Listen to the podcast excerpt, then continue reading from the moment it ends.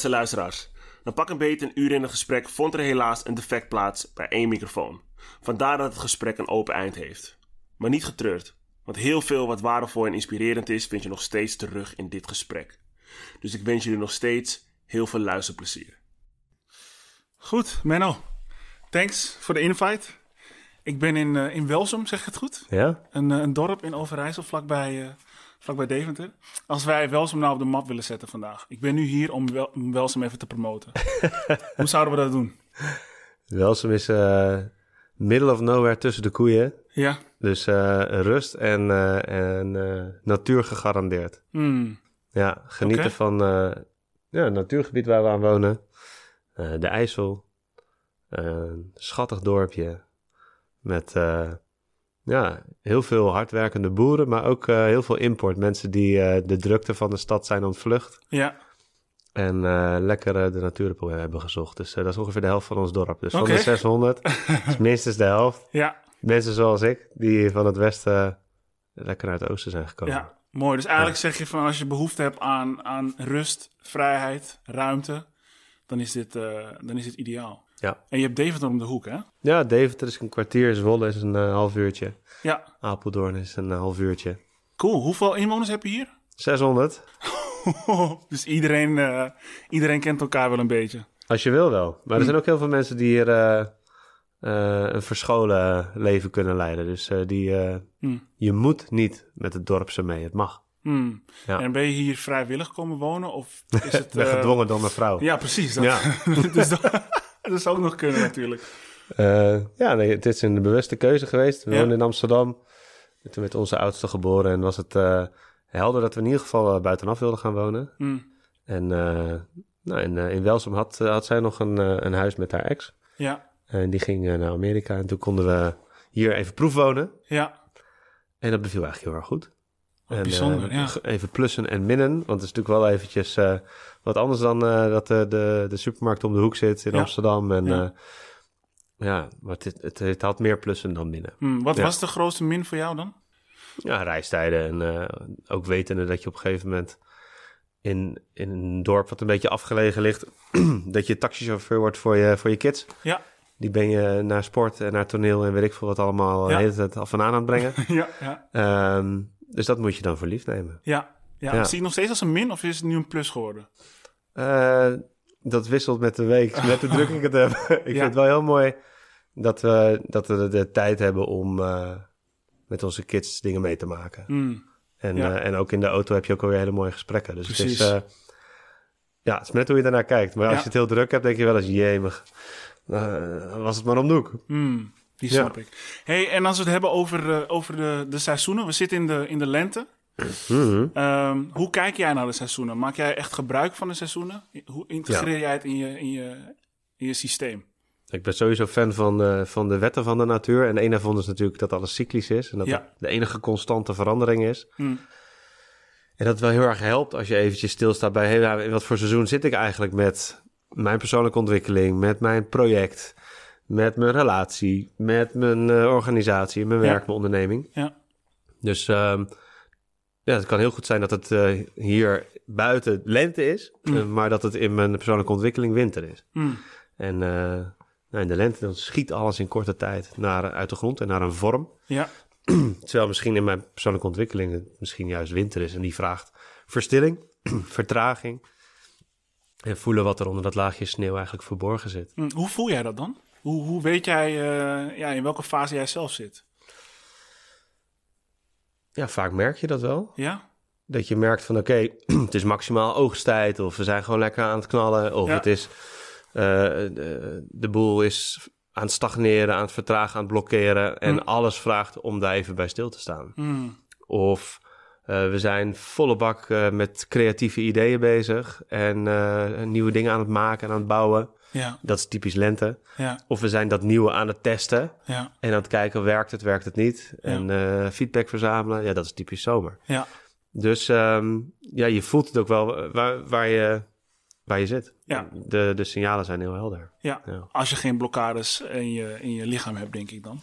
Ja, als je, als je, als je systeem eh, staat op doorgaan en alleen maar rennen en elke week en elke maand en elk jaar gewoon precies hetzelfde. Ja, En ehm, dat je het heel ongemakkelijk vindt om even te voelen hoe het met je gaat. Ja, Ja, dan heb je dus helemaal niet in de gaten in wat voor seizoen je zit. ja, En dan word je soms eh, gewoon door het leven of door je lijf eh, wel stilgezet. Ja. Noemen ze dan een burn-out Ja. of een auto-ongeluk. ja.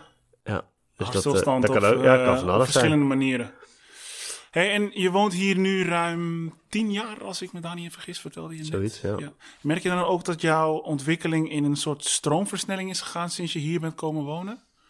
Nou, er was een andere force of nature. Eh, Ah. Dat was mijn vrouw. Aha, Die heeft mijn ontwikkeling in de stroomversnelling gebracht. Hm. Ja, ja ons, eh, we, hadden, we hadden een blind date, 12,5 jaar terug. Hm.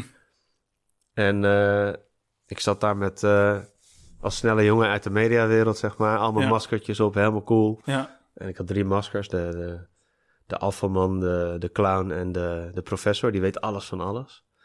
En helemaal in prestatiemodus, zeg maar. Mm. En na een half uur zegt ze tegen mij... Menno, doe maar rustig. Je, je hoeft niet zo je best te doen. Wat een bla bla, jongen. Dus die prikte dwars door al mijn maskers heen. mm, En ze zei, ja, eigenlijk als ik in je linkeroog zei, eh, kijk, zie ik een hele lieve, zorgzame man. Dus je hoeft niet zo je best te doen. mm. En dat eh, was best wel intens. Eh gebeurden twee dingen. Ik werd hartstikke verliefd. En daarnaast Op het ik... moment dat ze dat zei of daarvoor? Ja, die date. Het, was, het werd heel erg open daardoor. Heel erg echt. Ik kon Ja. meer mezelf zijn. Ik kon Ja. ontspannen. Ja. Ik durfde veel meer daarna veel meer van mezelf te laten zien. Hm.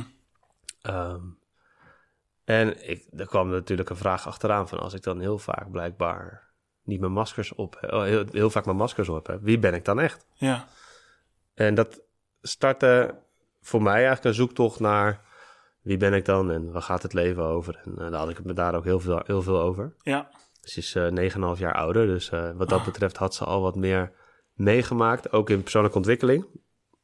En dat heeft voor mij dus heel erg geholpen. hm, Om daar eerst eens heel veel over te gaan lezen. Dat was stap 1. hm. Inspiratie opdoen. Juist. Ik wil er alles over weten. Dus toen ging mijn eh, professor Masker daar heel veel over vertellen. Mhm. En dat mensen zeiden, jemig nou, wat weet je er in één keer veel van? Hm. En er waren ook een paar mensen die zeiden... en wanneer ga je daar dan wat Inter- mee doen voor jezelf? Ja, Want ik zie nog steeds wel dezelfde, hetzelfde gedrag. Dus ik Hmm. had nog steeds gewoon dat professormasker. dus met een, eh, met een bepaalde intentie ging je dus verdiepen in, eh, in, in, in zelfontwikkeling. Ja. Heel veel kennis opgedaan, maar niet geïmplementeerd eigenlijk in je, Ja. in je Dus- eigen leven. ja, dat is het. Ik kom er dus achter. Er zijn twee dingen nodig voor jouw verandering of transformatie. Dat is inspiratie en Ja. urgentie. Hm. En er was dus nog geen urgentie op dat moment, waardoor ik moest veranderen, waardoor ik moest ontwikkelen. Ja, En, en dat was, eh, nou, zes, zeven jaar geleden kreeg ik burn-out klachten. ja, En dat was de urgentie, waardoor ik echt naar mijn eigen thema's moest gaan kijken. Want ik kon Ja. ze allemaal wel intellectueel begrijpen. Hm. En ik kon mezelf heel goed analyseren. Hm. Maar echt uit mijn comfortzone gaan. En echt mijn, mijn shit aankijken. En, en mijn keldertje leegruimen en Ja, eh, ja. dingen voelen.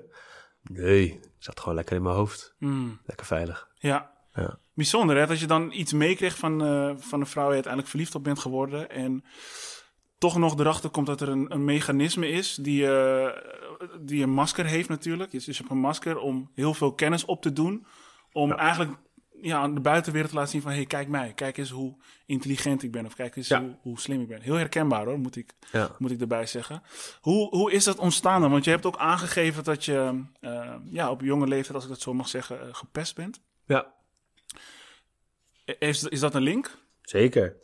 Ehm, ik denk, ja, de link is eigenlijk mijn geboorte al. Oh, ik, ben, ik ben doodgeboren. eh Apgar-score van 0 heet dat.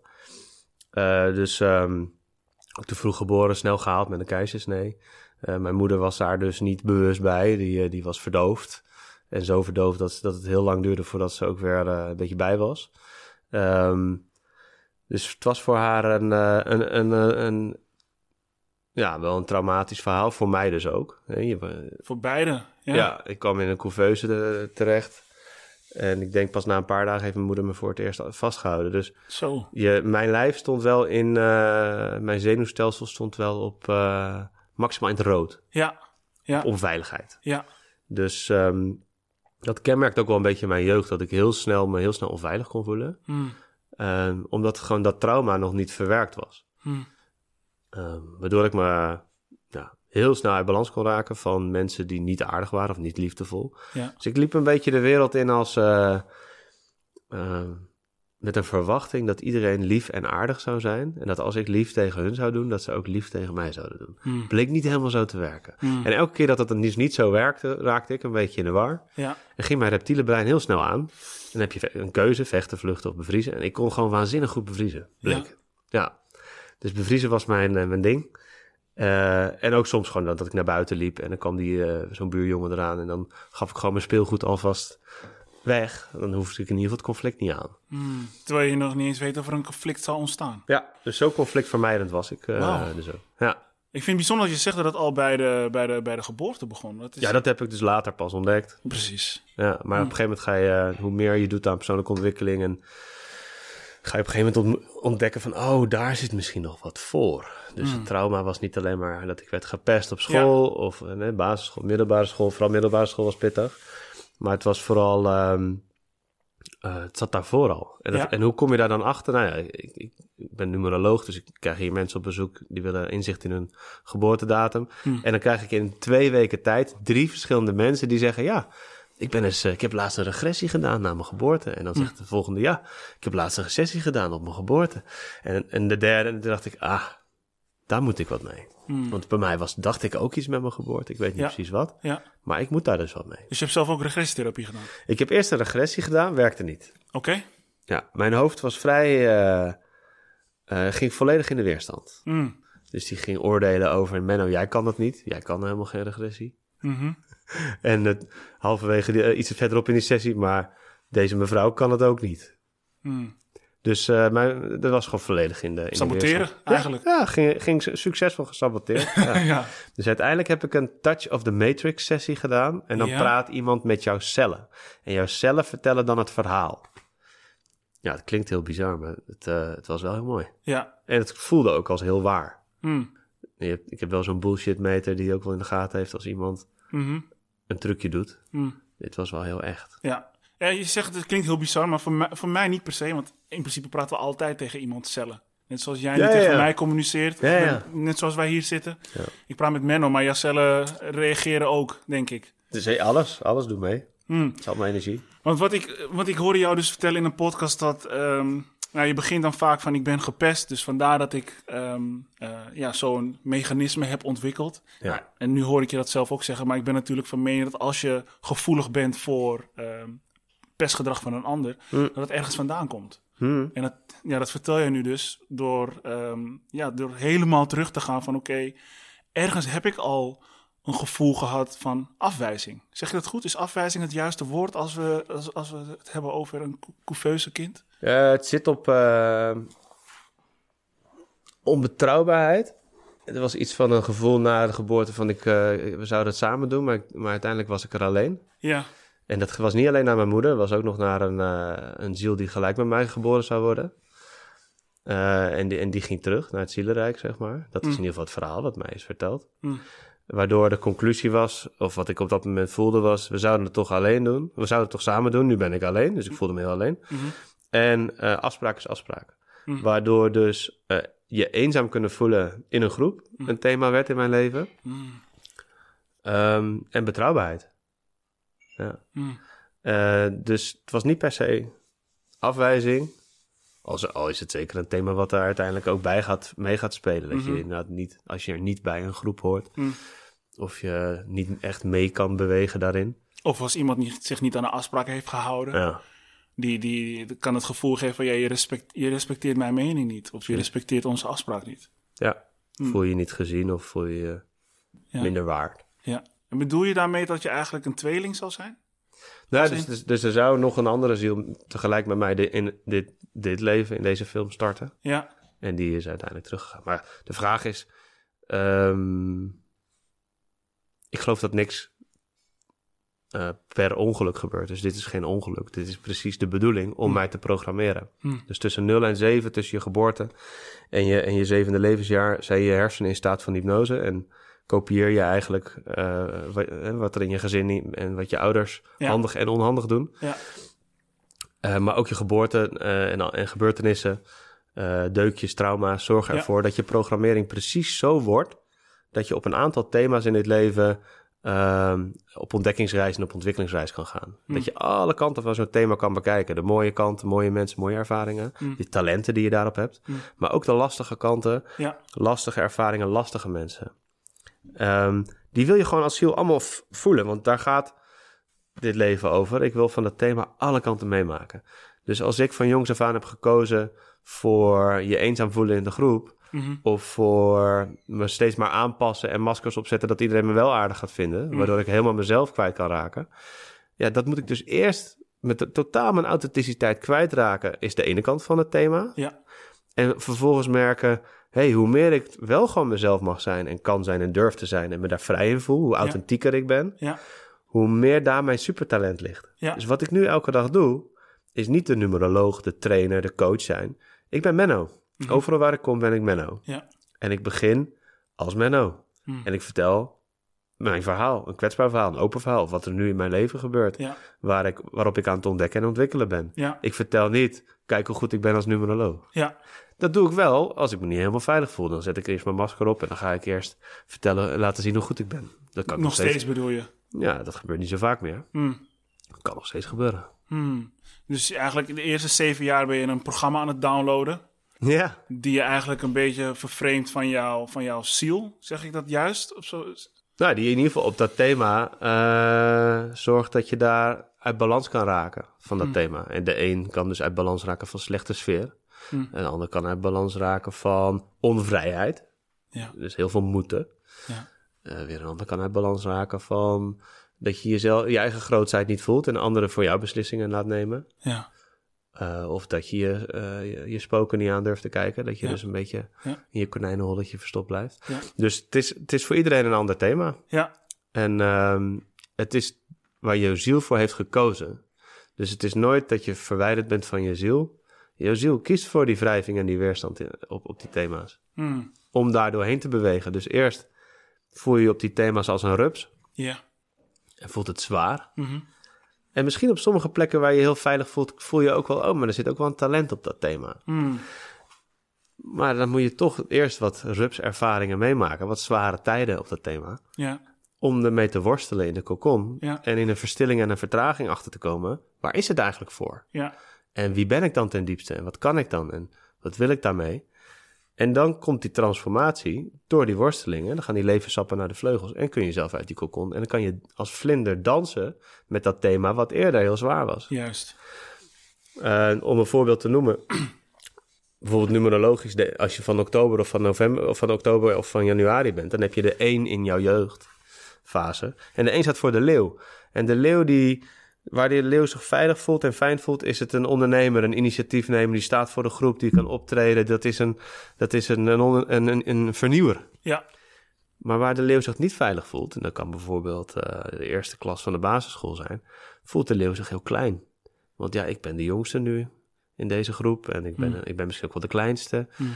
En dan maak je jezelf in je gedachten nog kleiner. Hmm. Waardoor je helemaal geen initiatief neemt. Waardoor je misschien niet eens iets durft te zeggen. Hmm. Waardoor je het allemaal heel spannend vindt. Hmm. En waardoor je even je eigen grootheid niet meer kan voelen. Doordat er zoveel grote brullende leeuwen om je heen zijn, ogenschijnlijk. Ja. Dus en dan, dat is dan het thema. Ja. Dus uit je comfortzone van je huis kom je je thema, je ontwikkelthema tegen. Dat je Mm. voelt, dat is eng. Durf ik niet, ik maak mezelf daar te klein. En binnen de comfortzone van je eigen huis en gezin Ja. voel je juist wel je grootheid en ben je aan het oefenen met je talent. Ja. Tegelijkertijd. Ja, dus je hebt natuurlijk ook, ook wel mensen nodig die jou kunnen, kunnen faciliteren om jou, ehm, ja, jouw talenten omhoog te krijgen. Ja. Ja. Want ik, ik, ik vind het een mooie metafoor, hè? die van de kokon naar, naar een, een vlinder. Ja. Er zijn ook mensen die, die een hele leven gewoon nog nooit een vlinder zijn geweest. En sommige mensen zullen ook nooit een vlinder worden. Wat is daar dan de verklaring voor? Poeh. Eh, dat is wel- Kijk, ik denk dat het ook een beetje generatieafhankelijk is. Dus, Mm. dus als je bijvoorbeeld kijkt naar ehm, de naoorlogse generatie, in ieder geval mijn ouders, Ja, ja, ja. die zijn helemaal niet eh, heel lang niet toegekomen aan, als je het hebt over de piramide van Maslow, aan zelfverwezenlijking, aan persoonlijke ontwikkeling. Die zijn bezig geweest met dit land ja. Weer opbouwen en eh, stevig maken en de Ja. basis op orde. En eh, zorgen dat er genoeg geld en spullen is. Ja. Dat is ook eh, wat ze heel belangrijk Ja. maken. En misschien nu pas, de laatste tien jaar, zien ze ook hun kids, hun dertigers, veertigers, soms twintigers, hun kids aan de slag met persoonlijke ontwikkeling. En kunnen ze eventueel daar ook iets mee gaan doen. Ja. Ehm, maar je ziet juist generatie X, Y, Z, millennials. Ja, die zijn, die zijn hier wel op aan. Hmm. En ik denk dat je door meerdere kokonnetjes in je leven gaat. Dus dat je meerdere thema's aan mag kijken. En soms is het een flinke kokon. Hmm. Ik denk zo tussen je 28ste en je 32ste komen er heel veel thema's bij elkaar. Want je gaat dan van een jeugdfase naar een volwassen fase. Ja. Dus komen er meer eh ontwikkeld thema's in één keer op één hoop. Ja. Dus ik zeg altijd, dan staan er meer trainingen voor de deur. Hmm. Dus dan is het even wat pittiger. Dus dan heb je meer dertigersdilemma's bijvoorbeeld. Hmm. Maar ja, je ziet ook al bij, eh, bij studenten, bij twintigers, maar ook bij tieners... Ja. zie je ook dat ze steeds sneller uit balans raken. Omdat er eigenlijk aan ons wordt gevraagd op dit moment... om eerder met persoonlijke ontwikkeling te starten. Omdat de trilling op aarde nou eenmaal een stuk hoger is. Ja. Dus alles wat wij nog in ons leven hebben... wat die trilling te laag maakt of lager dan de trilling van de aarde... Maakt, ha- haalt ons sneller uit balans. Of het nou fysieke disbalans is, of een mentale disbalans, of een emotionele. Mm. Het laat ons zien, je doet iets wat niet goed voor jou is. Ja. Of jij eet iets, of jij drinkt iets wat niet goed voor je is. Of Ja. je, je loopt niet jouw pad, of je leert niet je lessen. Dus we worden eigenlijk gevraagd om steeds sneller al eh, onze lessen te leren. Ja. En daarom is het misschien wel heel erg druk bij jeugdzorg. Alleen de vraag is of zij eh er naar kijken als eh, van rups naar kokon naar vlinder. Ja. Of dat ze je vertellen dat je een stoornis hebt. Ja. En dan denk ik wel eens, zullen we, ze, zullen we deze mensen, kunnen we ze niet beter in contact brengen met een echte waarheid? Hm. Namelijk dat dit gewoon bij het leven hoort. Ja. En dat jouw ziel dit thema heeft gekozen. Ja. En dat je, geen, dat je niet gestoord bent. Hm. Maar dat je gewoon even aan het worstelen bent in het kokonnetje. Ja. En dat het gewoon bij hoort. Ja. En dat we gaan begrijpen dat er heel veel hoogsensitieve mensen en kinderen en jongeren nu zijn. Die niet de juiste hulp krijgen bij, eh, eh, vanuit de, de mensen die ervoor, vanuit psychologie en vanuit eh, de psychiaters en de psychologen. Die hebben niet per se deze manier van kijken. Die kunnen niet op de juiste manier helpen. Er zitten wel heel steeds meer mensen die dat in de gaten hebben, die, die dit beroep hebben gekozen, die zich aan het verdiepen en aan het verbreden zijn. Ja. Maar als je blijft hangen in de oude methodes, dan eh, heb je heel veel gesprekken nodig voordat je bij iemand kan doordringen. Ja. Terwijl ik, eh, ik ken ook veel numerologen, een aantal numerologen die bijvoorbeeld met jongeren werken, die anorexia hebben of zelfmoordpogingen hebben gedaan, die binnen één of twee sessies echt doordringen tot de kern. En dat die mensen echt aan de slag gaan met zichzelf. Hmm. En een jaar later een eigen onderneming hebben staan. Ja. En dan denk ik Ja. van, ja, daar heb je dus niet honderd gesprekken voor nodig. Dus het is heel belangrijk tot wie en tot wat praat je. Ik kan beter tot de ziel praten dan alleen maar tot de ogenschijnlijke stoornis in iemands hoofd. Juist. En dat resoneert ook met mij. Tegelijkertijd denk ik ook, ja, ik wil ook heel graag met de ziel communiceren. Ja. Maar dan kom je alleen maar aan toe als diegene er ook voor open staat. Ja. Hoe ga je daarmee om als iemand ja, niet, niet direct open staat voor het willen communiceren met, met, met de ziel, om het zo eh, te Ja, zeggen? Heb je Daar ben je er nog niet aan toe. Ja, precies. nee, ik ga nooit iets forceren. Ja, precies. Ja. Ja. Dus eh, iedereen die bij mij komt of bij iemand anders die op die manier werkt, Ja, die krijgt precies die doelgroep op zijn of haar pad die bij je past. past. En die eraan toe is. Hmm. Dus iedereen die hier bij mij komt, die is hier niet voor niks. Ja, Die, eh, die is ook voor mij. Ja. Want alles wat er gebeurt in een gesprek is ook voor mij. ja, Maar die is daar, eh, nou, die staat open inderdaad. ja. Dus die kiest ervoor. En nou, ik heb hier ook wel eens iemand gehad. Bijvoorbeeld een dochter, die werd door haar moeder meegenomen. Dat is dan een verjaardagscadeautje. Ik heb ook wel eens een man, die werd door haar vrouw meegenomen voor een sessie. Ja, dan merk je toch dat er minder gebeurt. Omdat, ze zij niet nog... echt openstaan. Precies. Dus als je zelf voelt, oh, ik zit echt op een drie, sta op een driesprong. Of ik zit echt met een aantal thema's die mij uit balans brengen. Ja, En ik wil eh, ook op, op andere manieren inzicht krijgen. ja, ja. Ja, dan moet, dan moet je er wel aan toe zijn. Ja, ik vind het grappig, want eigenlijk als je iemand hier naartoe stuurt, laat zeggen ik heb een vriendin van mij, waarvan Ja. ik denk van ja, ze moet even met Menno in gesprek, dan zeg ik eigenlijk, jij moet veranderen, zodat ik niks hoef te doen in mijzelf. Zou kunnen. Tenzij je er allebei zit. Ja, zo. Ja. Ja, dat is ik ook voor mij, voor mijzelf kom. ja. Hm. ja, uiteindelijk eh, heb je natuurlijk... Stel, jij hebt wrijving met eh, die vriendin van jou. Ja, ja.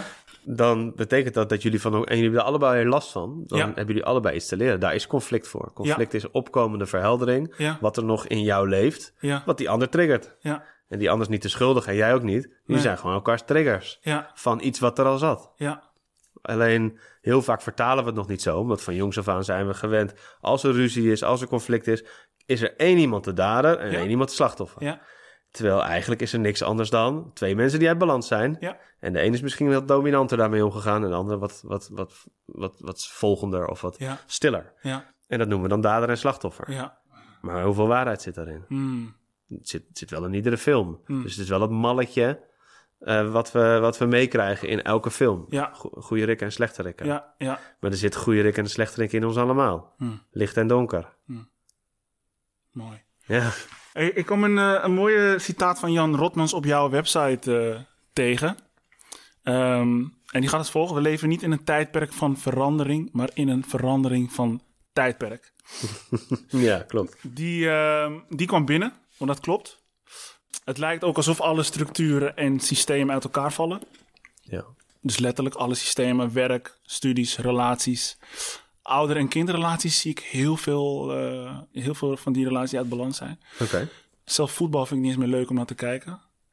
Eh, want je ziet ook gewoon die dynamiek op het veld. En dat is gewoon heel anders dan tien jaar geleden. Ik weet niet of jij, of van voetbal houdt. Ja, zeker. Ja. Ik hou van sport, alle sporten, vind ik te gek. Ja, en, En voetbal ik, ook. ik weet nog het team eh, van, eh, van Barcelona met, met Xavi en Iniesta. Ehm, Dat zijn hele mooie, mooie voetballers, maar dat was ook echt een team. Ja. En nu zie je heel veel individuen. Ehm, En dat, heeft, ja, dat vind ik gewoon niet meer zo leuk om naar te kijken. Snap ik. Ehm, en ik denk dat heel veel mensen zouden zeggen dat corona daarvoor gezorgd heeft. Maar als je kijkt naar de tijd waarin wij leven, we zijn gewoon eigenlijk van een vissentijdperk, of we zijn van een vissentijdperk naar een waterman-tijdperk gegaan. Kan, Ja. jij, kan jij daar zelf wat meer ehm, ja, over toelichten? Ik weet er zelf te weinig over, maar ik voel dat we gewoon in een andere tijdperk zitten. Ja. ja. Ik weet er ook niet alles over, maar ik weet wel... nou ja, ik weet wel wat over. Hmm. Maar ik ben, ik ben geen astroloog, dus ik weet niet alles van die tijdperken wat dat betreft. Maar ik, ik, ik vind het dan weer leuk om te kijken hoe, eh, hoe gaat het in allerlei verschillende culturen. Want iedereen Ja. heeft daar weer andere namen voor. De Maya's, die noemen dat dan het einde van de, van de tijdskalender. Hebben wij, zo hebben wij dat gedefinieerd. Hmm. Dat 2012 eh, dan het einde van de wereld zou zijn. Wat hun kalender daar ophield. Maar in feite was dat het einde van een zonneperiode, een zonnecyclus. Hmm.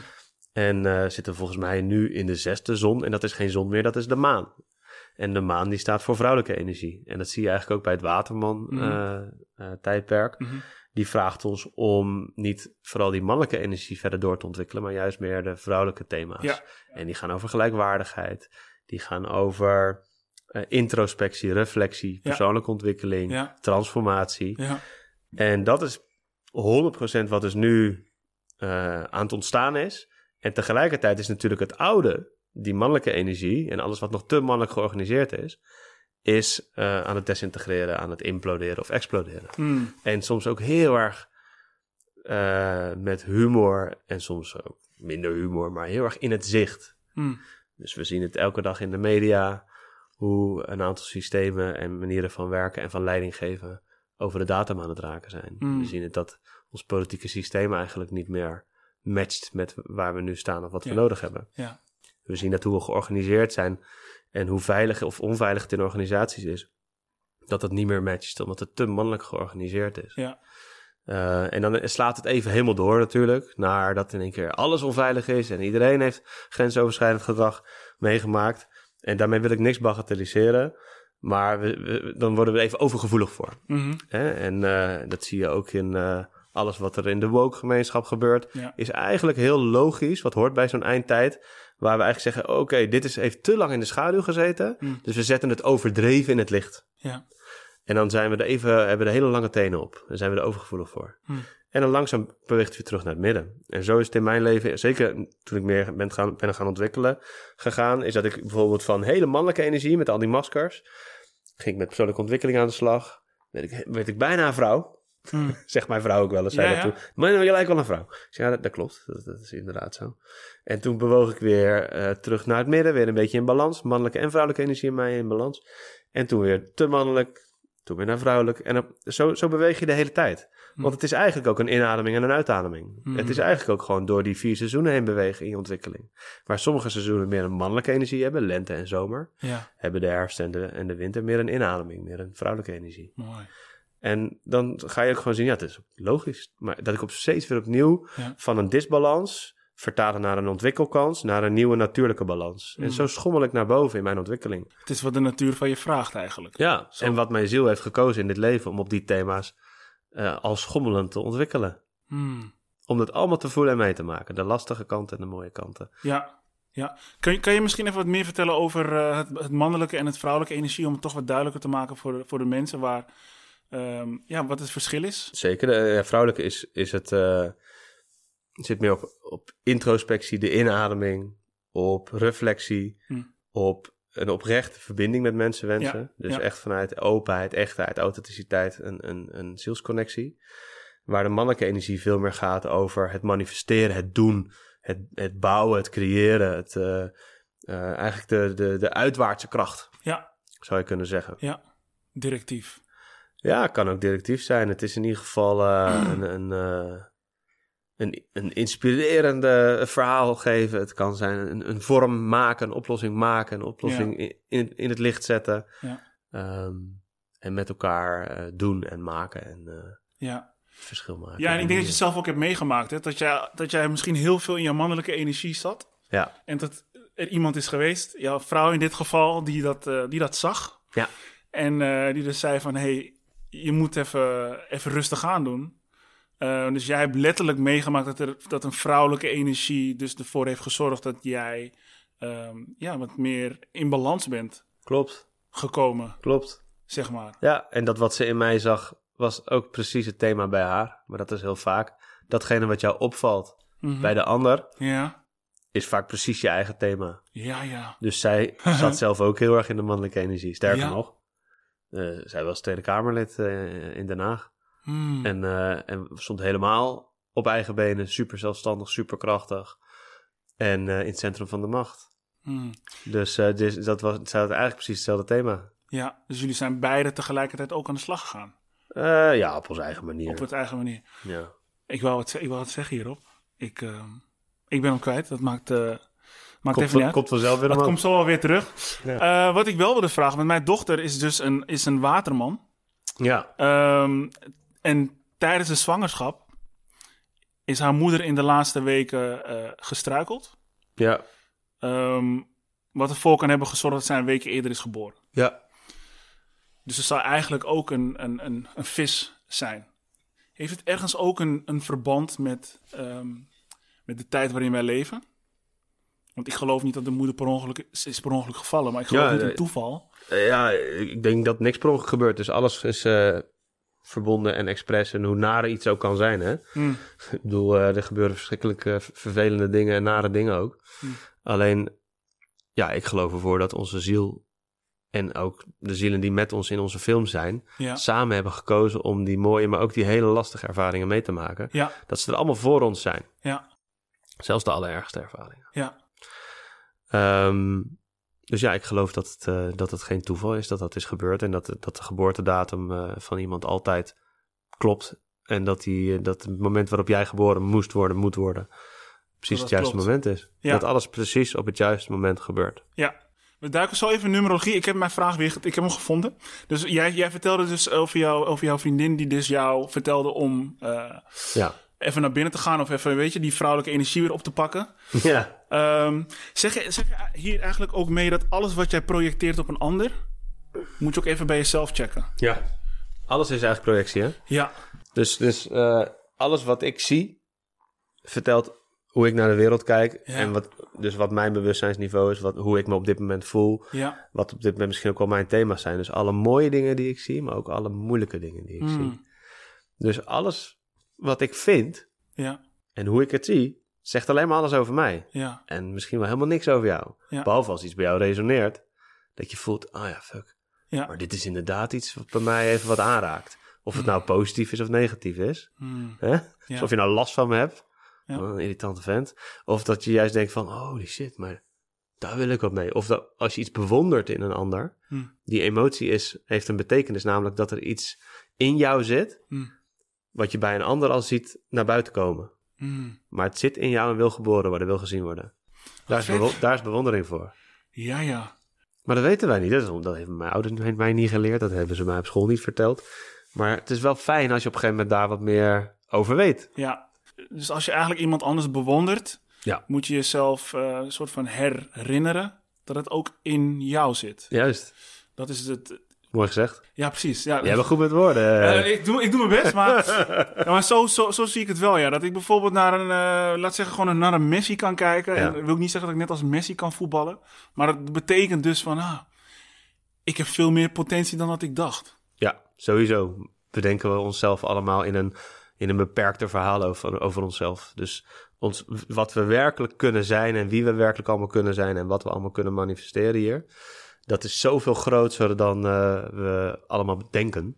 Hmm. Ik denk dat bijna iedereen, eh, elke aardbewoner wel een, een ontwikkeld thema op, het, eh, op eigenwaarde heeft. En Ja. op zelfacceptatie. Ja, dat denk ik, ja dat, dat denk ik ook. Ik denk dat we ook heel lang, ehm, al eeuwenlang zelfs, denk ik dat we ja, een beetje geremd zijn in onze potentie. En nu Ja. in een tijd komen dat we zoiets hebben van nee, fuck it. Het maakt mij niet uit welke relatie ik daarvoor op zou moeten geven, of welke baan of wat dan ook. Ik wil gewoon leven vanuit mijn volle potentie. Ja, Dat is dus die, zeker. die zeker. Waterman-tijdperk. Zeker. Hm. En, en ik weet niet of je er per se iets voor moet opgeven, maar het is, het is wel mooi om eh, te voelen dat je eh, dat potentieel hebt en dat je daarop wil gaan ontdekken. Ja, En dat je op dat thema ook iets, vaak iets hebt te ontwikkelen. ja, je moet er toch iets voor opgeven?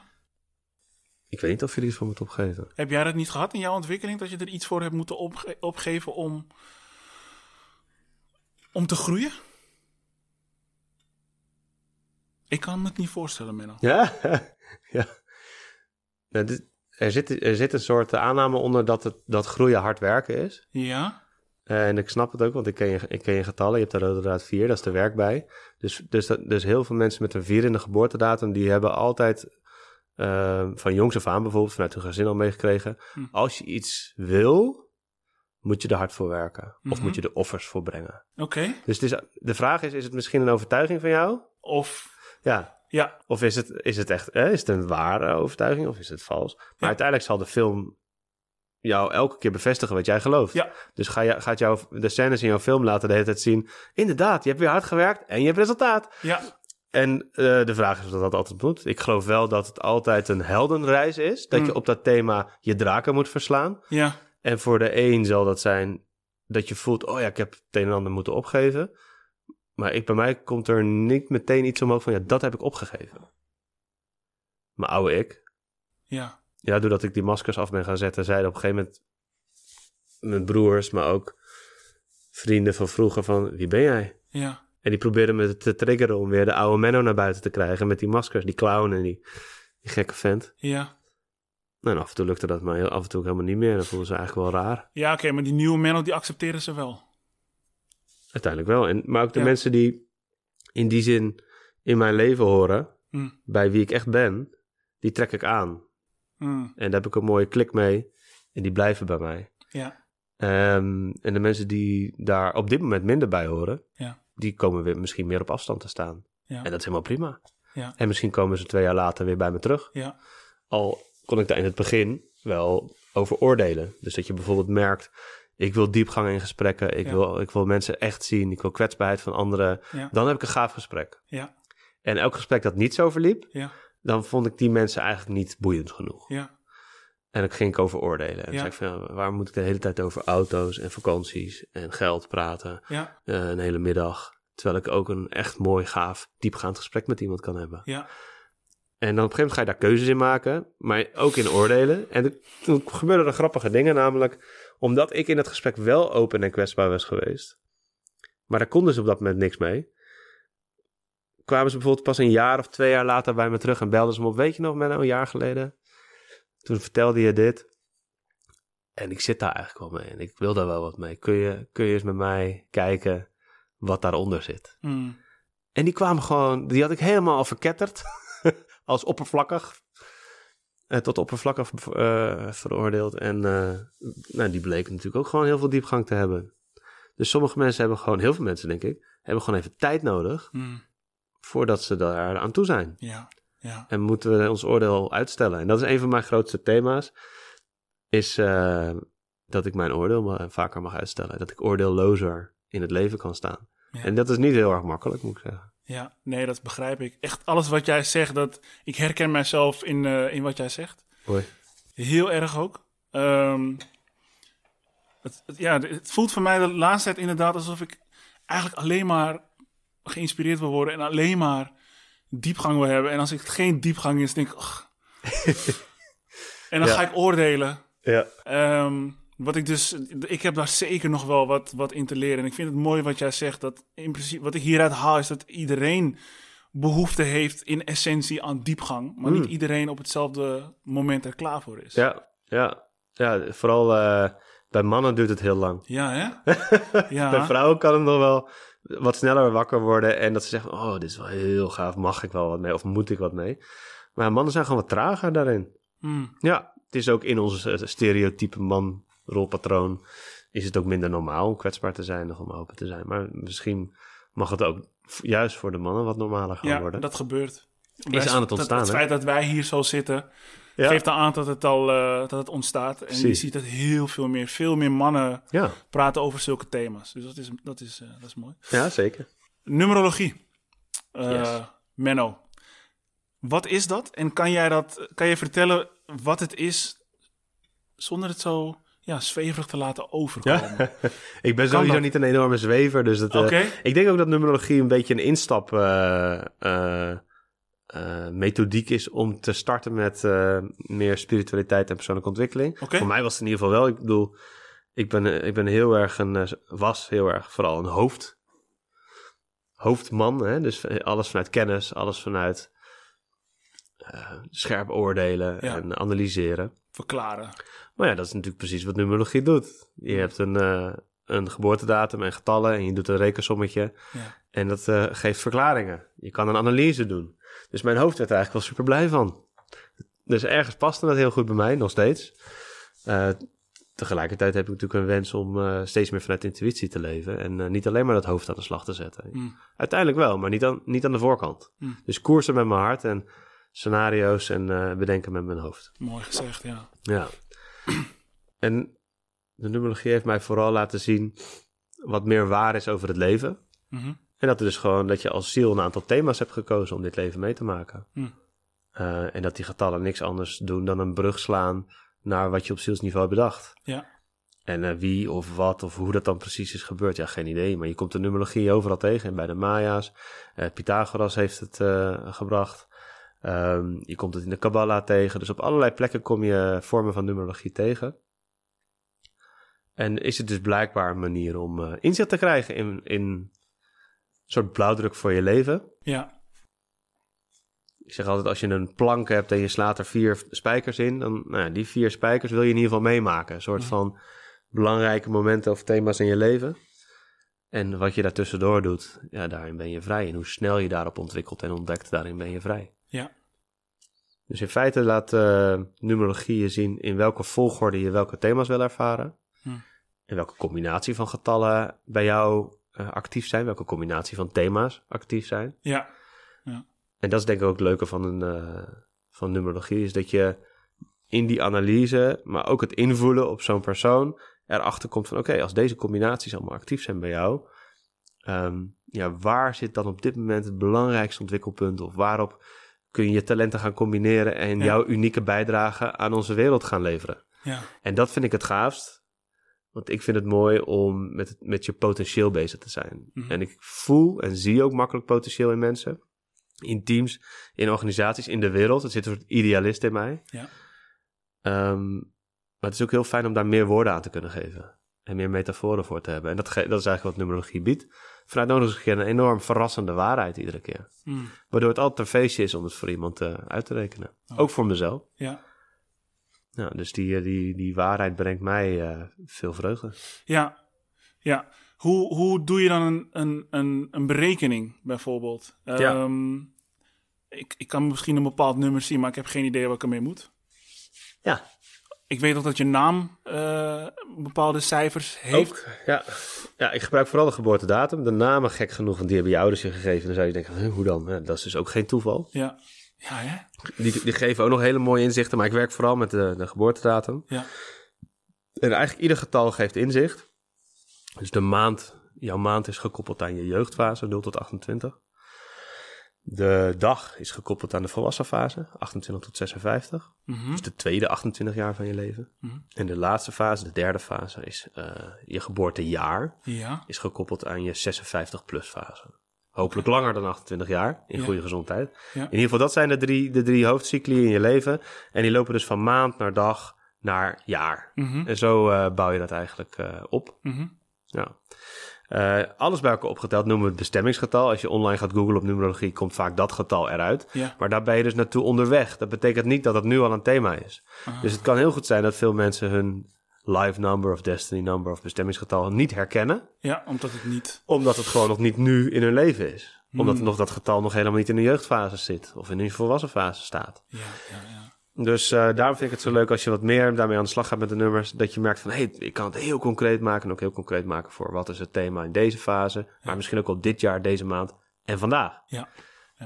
En dan, dat vind ik het leukst. Je hebt... ehm, je bent met mij aan de slag geweest eh, zojuist. Ik heb even een rekensommetje gemaakt. Ja, ik, eh, ik ben benieuwd. Kan jij mij, eh, ja, mij vertellen wat mijn thema's Ja, zijn? kan ik. Kan ik. Ik zal, ik zal even mijn telefoon erbij pakken. Want hier staat, hier staat mijn aantekeningen. In ieder geval de getalletjes in codetaal. Mm. Dat reken ik, het liefst reken ik het uit mijn hoofd uit, dan vind ik het fijnst. Mm. Ehm, en dat is ook het leuke van numerologie. Hè. Bij astrologie gooi je het door een computerprogramma. En bij numerologie kan je gewoon binnen een minuut...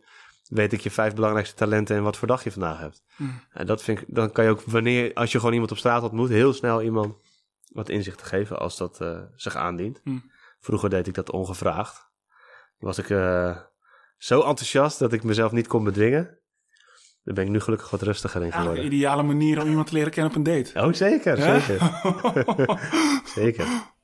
Ja. Oké. Jij, jij ziet kansen nu, of niet? Nee, nee, nee, Oh. nee. Ik, zie, nee ik, ik snap dat, maar dat is niet. Ik ben geen, ik ben geen type die, ehm, die per se date. Maar misschien daar zo meer over, want ik ben wel benieuwd eh, Ja, leuk. jouw kijk daarop. Ja, ik heb jouw getal uitgerekend. Wil je, wat wil je weten? Wat in download in het kort wat er staat? Ja, ja, ja. Alright. Eh, nou ja, in je jeugdfase staat daar een 3. In je volwassen fase een 1 en in je seniorfase een 2. Ehm, die 2 komt ook terug als uitdaging in je jeugdfase. En ik zie een rode draad 4, een bestemmingsgetal 6 en ook een geluksgetal 3. Hm. En die, dat is ook weer je jeugdfase thema. En heel veel enen. Een 1 in je volwassen uitdaging, een 1 in je senior fase uitdaging Hm. en een 1 in je hoofduitdaging. Nou, wat betekent dat allemaal, Menno? Precies. Eh, die drieën, hè, dat is je thema in je jeugdfase en je geluksgetal. Dat betekent dat jij heel erg blij wordt van... eh, de drie is het speelse konijntje. Mhm. Dus die, wil, die is sociaal, speels, die wil spelen, experimenteren. Vriendschappen zijn belangrijk. Lichtheid, niet te zwaar maken.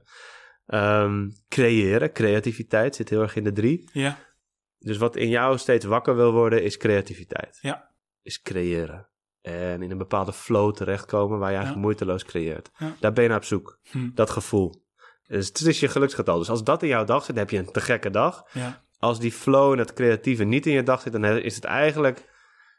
Ben je niet opgeladen door wat Ja. je die dag hebt gedaan. Ja. Ja, dus dat zit heel erg in de drie. De drieën die vinden het ook vaak fijner om bij de lichte, plezierige emoties te blijven. Ja. Maar vinden, en huppelen vaak over moeilijke emoties heen. Dan springt dat konijntje springt over, dat, Ja. over die zwaardere emoties heen. Waardoor je soms te weinig bij de zwaardere emoties kan. Ja. Of naartoe gaat. Of toestaat dat ze er zijn. Ja. Terwijl juist daar in de onplezierige emoties zitten ook je ontwikkelkansen. Ja. En eh, jouw, jouw, jouw ziel wil juist oh, jou ook laten, zegt ook tegen jou, ga alsjeblieft alles voelen.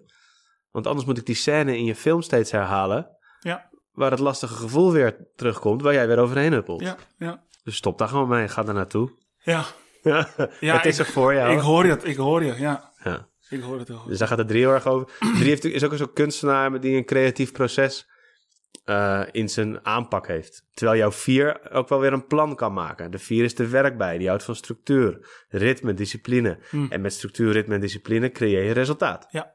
Als je een plan maakt, plan volgt, weet jij, hard, hard gewerkt. Ik heb resultaat. Ja. Dat is de werk bij. Ja. Maar die staat soms een beetje haak op je, haaks op jouw konijn. Want je konijn die zegt...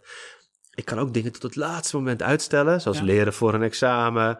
Of eh, de, de boel voor elkaar krijgen. Of naar vorm bewegen. Daar heb je een soort deadline voor nodig. En dan in één keer heb je die vorm. Klopt. Dus bijvoorbeeld jouw voorbereiding op deze podcast begon pas echt gisteravond. Om maar wat te noemen. Hmm. Hè, misschien al ietsje eerder. Mm. Want in jouw planning van jouw werk bij staat... Nee, daar heb ik wel een aanpak voor. Hmm. Nou, dus, dus eigenlijk ga je op die manier... eh, in sommige projecten is het heerlijk om, om op het laatste moment tot vorm te komen. Zeker in creatieve projecten. Ja. En in sommige projecten helpt het je wat minder. Ja. Dat je denkt, waarom heb ik dat uitgesteld? Ja. Bijvoorbeeld, en dit haakt weer aan je enen. Je hebt een één in je volwassen fase, één als hoofduitdaging. Ook van jongs af aan dus. Mhm. Dat is de leeuw. En soms maakt de leeuw zichzelf, wat ik net al eerder zei in het gesprek, te klein. Als er ogenschijnlijk grotere leeuwen zijn. Ja. Dat je denkt, oh, jij weet veel meer, jij kan veel meer, je hebt veel meer meters gemaakt. Dus ik ben niet zo groots Ja. als jij. Ja. Bullshit. Niet waar. Ja. Weet je, jij hebt net zoveel recht om jouw waarheid te spreken, om jouw talent te laten zien als, eh, noem maar wat, als ik. Als wij in dezelfde ruimte zijn. Ja. Ik ben niks meer, meer of minder dan jij. Maar toch is er iets in jou wat, wa- waardoor je je af en toe weer klein kan maken. Hm. Eh, en dat is vooral wanneer jij bijvoorbeeld ja, bewondering voor iemand hebt. Of eh, iemand op een, voet, op een voetstuk zet. Ja. Wat helemaal niet nodig is. Ja. Het laat je alleen maar zien, oh, dat zit ook in mij. Ja. Mag ik wat meer ook naar buiten brengen? Niet meer, niet minder. Maar toch is dat een thema wat steeds terugkomt. Ja. Een ander thema is dat de leeuw groeit in kracht en in zelfstandigheid door zijn spoken aan te kijken. En soms weet je precies wat die angsten zijn, wat die spoken zijn. Ja. Alleen zegt jouw konijntje, kunnen we even uitstellen, volgende maand. Ja. Eh, volgend jaar. En, en dan zorgt je uitstelgedrag ervoor dat je precies weet wat je ontwikkelkansen zijn, maar dat je ze dus nog niet pakt. Ja. Dus dat is de combinatie van de drie en de één. Ja. Het voordeel van de drie en de één, zeg maar de talenten, is dat er een soort artiest in jou zit. Die die creativiteit op het podium wil zetten. Dus Ja. de één is de leeuw, die, laat, die inspireert en laat het, laat het zien. En die inspireert dat, je, dat mensen mogen voelen. Daar gaat het drie over. Ja. En dat kan je doen met muziek, dat kan je doen met je content, dat kan je doen met je kunst. In wat voor creatieve vorm je daar ook voor kiest. En dan gaan mensen voelen wat jij wil dat zij gaan voelen. Ja. Want hoe mooi is dat? Ja. En daarop kan jij de inspirator zijn. Dat is de 3-1 combinatie. Hm. En de 1-4 combinatie is weer de topsporter. Die leeuw die wil winnen. Ja. En die 4 die doet dat met het lijf, met de handen. Daar ben je goed in. Ja. Eh, en op een gegeven moment merk je van ja, heel mooi topsport. Maar er moet nog meer zijn dan dat. Ja. Ik wil ook in een team zijn. Dat zegt de twee, de wolven. De wolven willen onderdeel uitmaken van een roedel. En dat is het gezin, dat is het team, dat is de groep waar je bij wil horen. Waar je niet alleen maar onderdeel bent van de groep, maar je kan je af en toe ook gedragen voelen door die groep. Door die groep. Ja. Een soort van onvoorwaardelijkheid, onvoorwaardelijke Ja. liefde. En die twee is ook jouw jeugduitdaging. Dus dat betekent dat je in jouw jeugd heb je dat niet altijd ervaren. Ja. Dus heb je bijvoorbeeld het thema van verbinding, relaties, veiligheid, vertrouwen, ehm, harmonie. Nou, als de uitdaging is in je jeugd, betekent dat dat je dus heel vaak onveiligheid, wantrouwen, eh, weinig harmonie hebt, een slechte sfeer hebt ervaren. Om maar te, ervo- te voelen hoe belangrijk dat voor jou is. Maar het, het creëert wel wat deukjes op dat thema, waardoor je bijvoorbeeld minder makkelijk mensen vertrouwt. Eh, waardoor je bijvoorbeeld eerst even de kat uit de boom kijkt van, "Huh, ga jij mij ook kwetsen voordat ik meer met jou de diepte inga of voordat ik eh, met jou een echte relatie aanga. Waardoor je dus op het gebied van relaties bijvoorbeeld, of soms ook vriendschappen, eh, wat, wat afwachtender zou kunnen zijn. Misschien nog wel meer op relaties dan op vriendschappen. Hm. Ja. Omdat je bijvoorbeeld in je leven, in je jeugdfase 0 tot 28, af en toe wat messen in je rug hebt gehad uit het niks. Ja. Dat je dacht van nou, ik dacht dat je te vertrouwen was. Ja. En in één keer ging ze vreemd of eh, ging, ging ze met je, met je beste vriend vandoor. Dat soort thema's horen helemaal bij de jeugduitdaging 2. Ja. En dan zou je denken, heb ik daarvoor gekozen? Ja, daar heeft jouw ziel voor Gekozen. gekozen. Ja, precies. Maar op dat moment is het natuurlijk gewoon verschrikkelijk. En toch dat overwinnen en weer met een open blik nieuwe mensen ontmoeten en weer meer vanuit vertrouwen. Dan ga je eigenlijk merken van hé, wantrouwen. Wantrouwen van andere mensen, wantrouwen zit in mij. Eigenlijk wantrouw ik mezelf dat ik niet op tijd het gesprek voer wat gevoerd moet worden over onze verbinding. Ja. Dat je eerder naar je innerlijke stem luistert en zegt van hé, er zit iets tussen ons en moeten we het even over gaan hebben. Ja. Waar heel veel tweeën, en je hebt ook nog een zes als bestemmingsgetal, zeggen: Nou, dat lastige gesprek, dat ga ik liever uit de weg. Ja. En over gevoel praten vind ik eigenlijk een beetje lastig, want ik hou het liever licht, zegt het konijntje. Ja. En jouw bestemmingsgetal 6, dat is de hond. Die is heel zorgzaam, voelt zich heel verantwoordelijk. Die wil graag, die familie is belangrijk. Die wil altijd dat familiegevoel hebben, dat het gezellig is. Ja. Maar dat betekent dat je het niet zo fijn vindt als het ongezellig is. Of als er conflict is. Of als jij innerlijk conflict voelt. En dan heb je eerder de neiging om het in je eentje in je konijnenholletje op te gaan lossen. Ja. Dan dat je het gaat uitspreken. Ja. Terwijl dat juist de grote sleutel is voor jou om in wat voor relatie dan ook, vriendschap, samenwerking, om het uit te spreken als: hé, hey, jij triggert iets bij mij. Ja. Dit voel ik dan. In plaats van dat je bijvoorbeeld in strijd komt. Ja. Want de 6-1 combinatie, dan ga je je leeuw soms inzetten om in Ja. een conflict te strijden. Hm.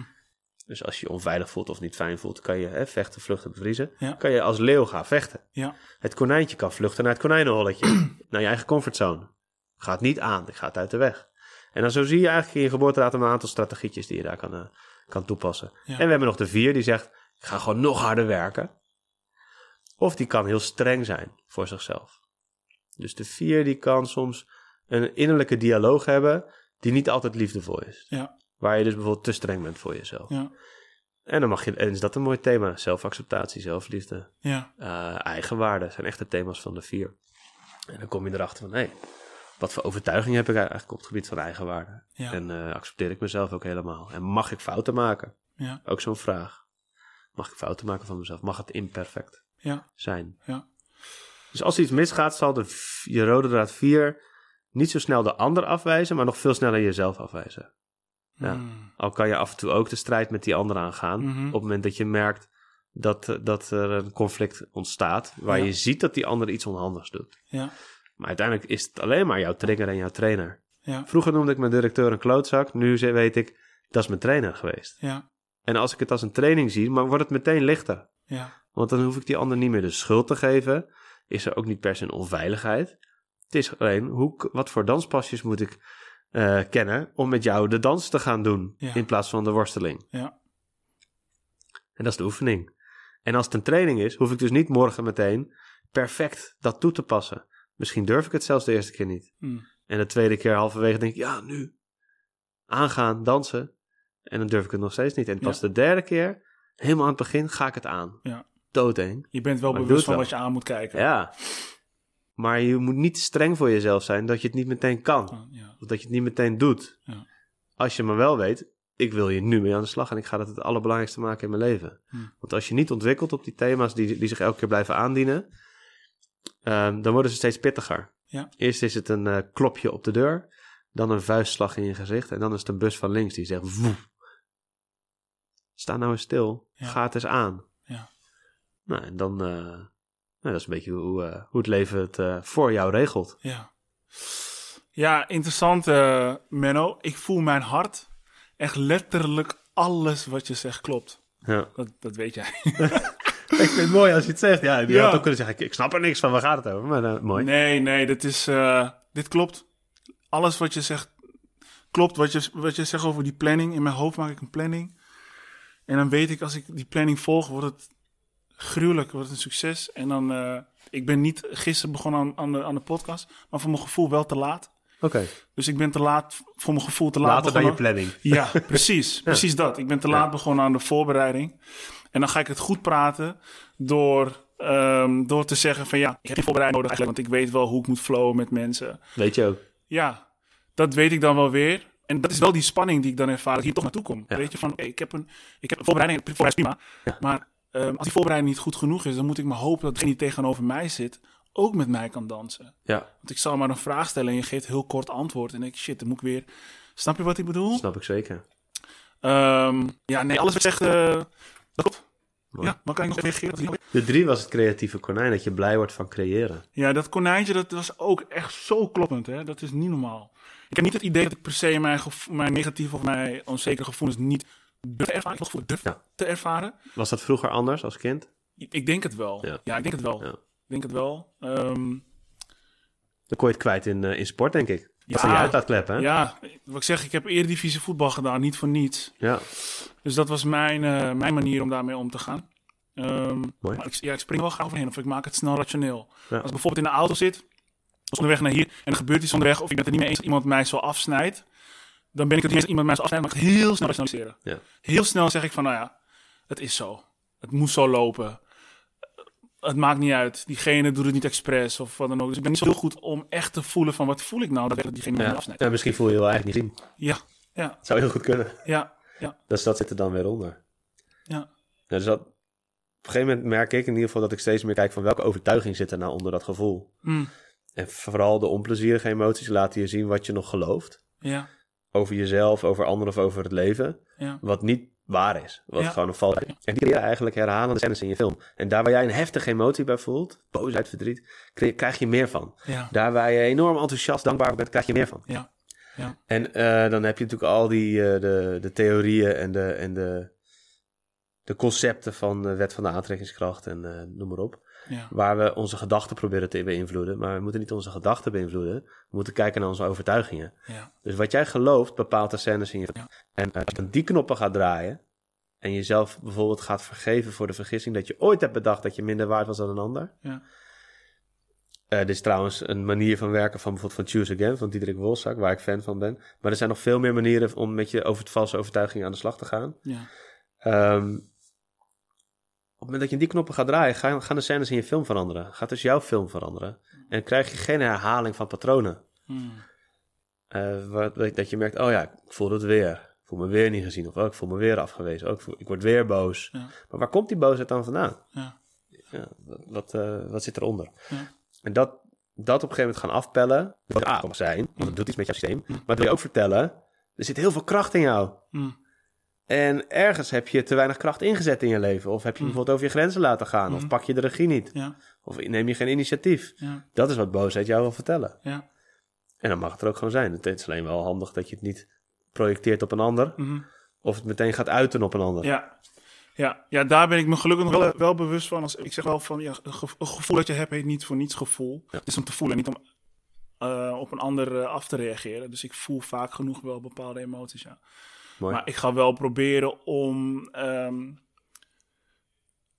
ehm, bepaalde ja, conflicten uit de weg te gaan om die emotie niet te voelen. Ja. Dus door, door niet te zeggen van... hé, hey, ik vond het niet cool, dat, je, dat heb ik van de week nog meegemaakt. Maar ik vond het niet cool dat je, dat je dit of dat deed. Want ik weet dat er een emotie omhoog zou kunnen komen die niet wil ervaren. Dus. Ja, dus het vraagt op welk, vanuit welk perspectief kan je naar het conflict kijken. Dus als je naar het conflict kijkt als het is er voor mij en voor die ander. Ja, En misschien vooral voor jou, hè? want jij raakt er vanuit balans, die ander misschien helemaal niet. ja, Dat je eigenlijk die ander bedankt.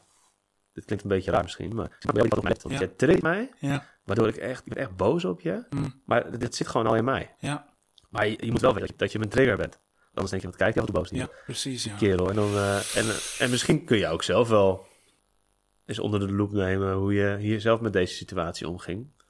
Want je zou, heb je erover nagedacht om er zo mee om te gaan? Of Ja. dat je vraagt, heb je zelf in de gaten wat voor effect het heeft dat je, Hm. dat je dit doet? In ieder geval dit had effect op mij, maar het is van mij. Ja, dus je bedoelt ook, wat, wat, was, mijn, eh, wat was mijn aandeel hierin? Wat was, hoe was mijn Ja. toon? Ja, Wat waren de opmerkingen die me ook gewoon zelf reflecteren? op allebei. de- ja. Dus het is niks anders dan, eh, joh, waarschijnlijk deed die ander iets onhandigs. ja, Ja, onbewust onhandig gedrag noemen ze dat. ja, Of onbewust onbekwaam.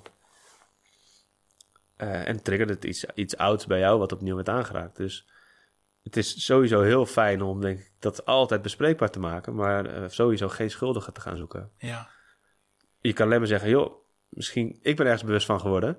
En heel misschien kan jij ook ergens bewust van worden. Doordat ik jou een aantal vragen stel. Zonder dat daar een oordeel in zit. Of een oplossing. En uiteindelijk zou je kunnen zou je, ben je misschien hoe ik dat zou aanpakken? Of precies. Ja, Waardoor, kan je je- vragen. hè? waardoor je dus helemaal uit een conflict situatie blijft waar je denkt, dit wordt een soort gevecht. Ja, En wordt het puur een samen ontrafelen wat er eh, bij jou van binnen en misschien ook wel bij die ander speelt. En eh, waar je misschien ook wel ziet dat het gedrag van die andere, anderen raakt. ja, Waar die anderen dus ook op zielsniveau voor gekozen hebben om zo'n klootzak of trainer Ja. in hun leven te hebben. ja, Dus we hebben allemaal massaal eh, organisaties en leiders, narcistische leiders, uitgekozen in, in ons leven om erachter te komen dat we onszelf laten kooien en, eh, laten begrenzen en onze vrijheid laten afpakken. En dat we nog eh, voor vrijheid zelf moeten gaan kiezen. ja. En dat we grenzen moeten leren aangeven en niet te veel pleasen. Hmm. Dus eh, ja, we, we stappen zelf vrijwillig elke dag in die, in die relatie, in die omgevingen waar die sfeer heerst. Waar, die, Juist. waar die context, waar die dynamiek heerst. Juist, juist. Om iets te leren. Poeh. ja, dit is, is, is, een, is een numeroloog nou een eh, perfecte relatietherapeut? Oh, zeker niet. Nee? Nee, ik denk dat je zelf de, je bent zelf de perfecte relatietherapeut als je op zoek gaat naar wat speelt er bij mij. Ja. En of je dat nou met neurologie doet of niet. Eh, het gaat erom dat je je eigen gedrag en je emoties en je gevoelens vertaalt naar wat speelt er nou bij mij onder water. En, en, wat, en misschien wel achterkomen wat voor hechtingsstijl heb ik. Of wat voor thema's spelen er in mijn leven. Of wat is de dynamiek tussen ons. Dat, dat willen onderzoeken, bij jezelf houden. En dieper onder water, dat is een perfecte relatieontwikkeling. Ja. En, of, en een therapeut, die gaat vaak kijken, eh, is mijn aanname trouwens, van eh, wat is de diagnose? wat, wat is de stoornis in jullie Ja, relatie ja, of in jou? Ja. En hoe kunnen we daarop behandelen? En ik geloof veel meer in, eh, ja, wat heb je, waarom ben je in elkaars leven? ja. Je hebt een relatie om elkaar te verrijken.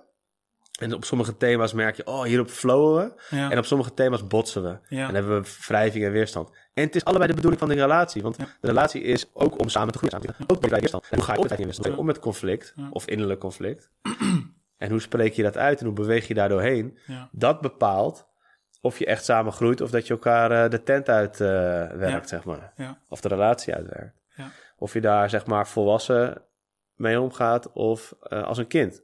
Want heel veel eh, van ons, mensen... hebben nog een, een emotioneel ontwikkelingsniveau van een, van een peuter of een puber... Op sommige momenten, hè? Dus Ja. niet, niet de hele dag. Niet constant. Nee, dan wordt het aangegaan. En dan is de peuter opeens. En je denkt van, what happened? Juist. Dat heb ik bijvoorbeeld bij scheidsrechters. Als ik voel dat een scheidsrechter expres tegen mij fluit... Ja.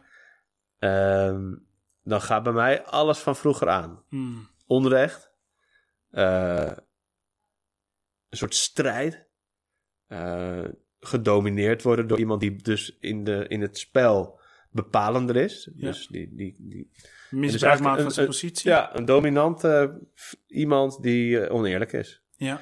Dus dat triggert zoveel nog. Maar ook bij hem dus tegelijkertijd. Weet ik niet. Denk ik. Ja, maar als hij dus een onterechte... Dat kan. Ja. Als, als hij het persoonlijk neemt. Ja. Ja. dan, dan- tenminste, hij neemt het dan ook persoonlijk, toch? Het zou kunnen. Het zou kunnen dat ik het de persoon neem. Precies, ja. Ja. Dus, eh, maar dat triggert bij mij nog eh, mijn reptiele brein en dan ga ik in vechten. Dus dan sta ik vlak voor de neus van zo'n scheidsrechter en dan zeg ik, wat ben je aan het doen? Ja. Dus ik, ik word niet echt af.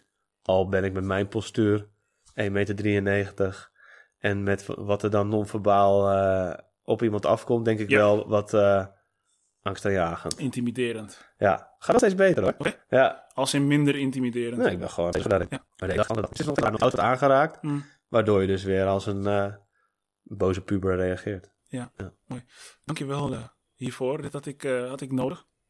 Mooi. Ja, dit had ik nodig. Nog even een, uh, een plaspauze inlassen. Ja. Ik moet heel nodig plassen. Gaan we doen. Ik laat het drinken? gewoon- Uh, glaasje water, dat is goed. Die heb je hier. Ik heb hier nog wat water. Jeetje, Menno. Ik heb de podcast laten afspelen tot aan de plaspauze. Maar het was in de laatste minuten al te merken dat het geluid niet meer meewerkte. Mijn excuses daarvoor.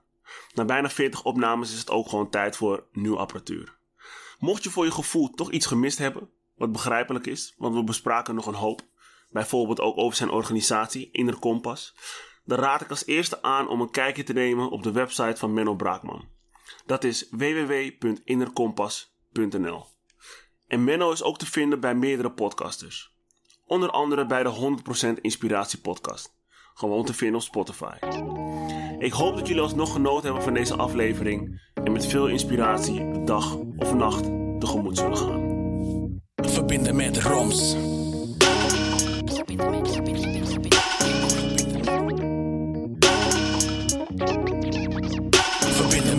Roms.